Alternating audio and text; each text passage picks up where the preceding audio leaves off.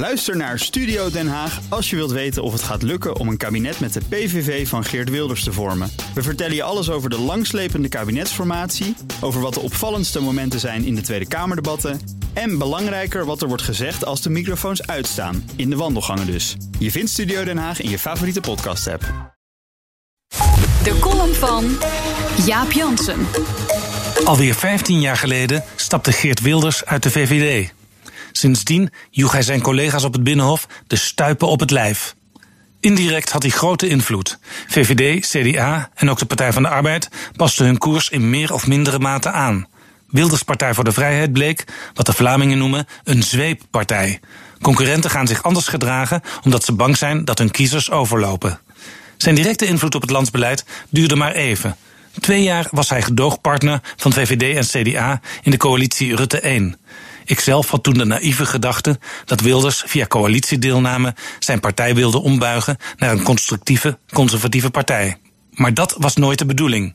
In het net verschenen boek Wilders gewogen, 15 jaar reuring in de Nederlandse politiek, worden voormalige fractieleden geciteerd die vertellen dat Wilders die gedoogconstructie eigenlijk helemaal niet wilde. Het zuiver vertolken van zijn ideeën, de boel schrik aanjagen en daardoor het beleid beïnvloeden, was voor hem voldoende. Onderhandelen en compromissen sluiten benauwde hem. Liever hamerde hij ongeremd op het bekende aanbeeld: tegen de islam, tegen Europa. Hij liet het kabinet vallen. Zijn kiezers begrepen het niet en hij verloor een derde van zijn zetels. Sindsdien nam Wilders invloed af. In 2017 werd de PVV met 20 kamerzetels nog wel de tweede partij. Wilders eiste een plek aan de formatietafel. VVD en CDA hadden er geen zin in. Informateur Herman Tjenk Willink bedacht een list. Hij liet VVD-leider Mark Rutte en toenmalig CDA-leider Sibrand Buma een brief schrijven, ieder apart.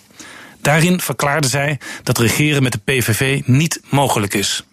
Wilders wijst in toenemende mate de kernwaarden van dit land af, schreven ze. Hij ondermijnt instituties die de basis vormen van onze democratische rechtsstaat en hij heeft er meermaals blijk van gegeven geen verantwoordelijkheid te willen nemen. VVD en CDA waren glashelder. Met deze PVV kan het nooit meer wat worden. Sinds die kabinetsformatie ging het verder bergafwaarts. Van 20 zetels bij de Kamerverkiezingen naar 0 zetels dit jaar in het Europees Parlement. In juli sloot Wilders in de peiling van Maurice de Hond het parlementaire jaar af zonder dubbele cijfers. Zijn kiezers bleken niet erg trouw. Toen Baudet op het toneel verscheen, kochten ze liever kaartjes voor zijn voorstelling. Het einde van de PVV als succesvolle partij leek nabij. Wilders haalde zijn schouders op. Hem kregen ze niet weg. Na de verloren Europese verkiezingen zei hij: Ik zal nooit aftreden, nooit. U zult mij nooit zien gaan.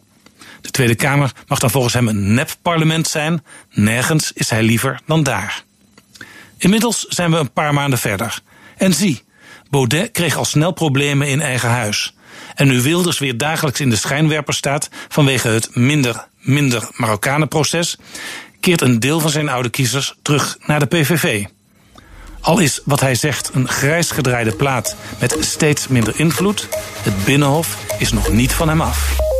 En dat zei Jaap Jansen, politiek eh, commentator. En op donderdag altijd onze columnist. En als u zijn column en al zijn columns wilt terugluisteren... dat geldt uiteraard voor de columns van alle andere columnisten... kunt u dat heel eenvoudig doen. Surf even naar onze website, bnr.nl, moet u sowieso doen. En uh, u kunt zelfs een BNR-app installeren. Kost niks, staat in alle stores. Dus uh, downloaden, kan u de columns zien. En u kunt ook alle podcasts daar downloaden en vinden. Leden van de Staten-Generaal. De miljoenen uit het koffertje van Mopke Hoekstra vliegen ons straks weer om de oren. Want de derde dinsdag van september komt eraan. En Spitsuur is daar natuurlijk bij. Vanaf de bol van VNO-NCW in Nieuwsport. Hoe gaat het straks met Nederland na een harde brexit? Als de handelsoorlog ontspoort of als we in een recessie belanden? We gaan het bespreken met ministers, staatssecretarissen en fractievoorzitters. Luisteren dus, de Prinsjesdag-uitzending van Spitsuur... 17 september van 3 tot 7 op BNR. Ook Harm Edens vind je in de BNR-app. Je kunt BNR Duurzaam niet alleen live luisteren in de app, maar ook terugluisteren als podcast, zoals al onze podcasts. En naast dat de BNR-app Breaking News meldt, houden we je ook op de hoogte van het laatste zakelijke nieuws. Download nu de gratis BNR-app en blijf scherp.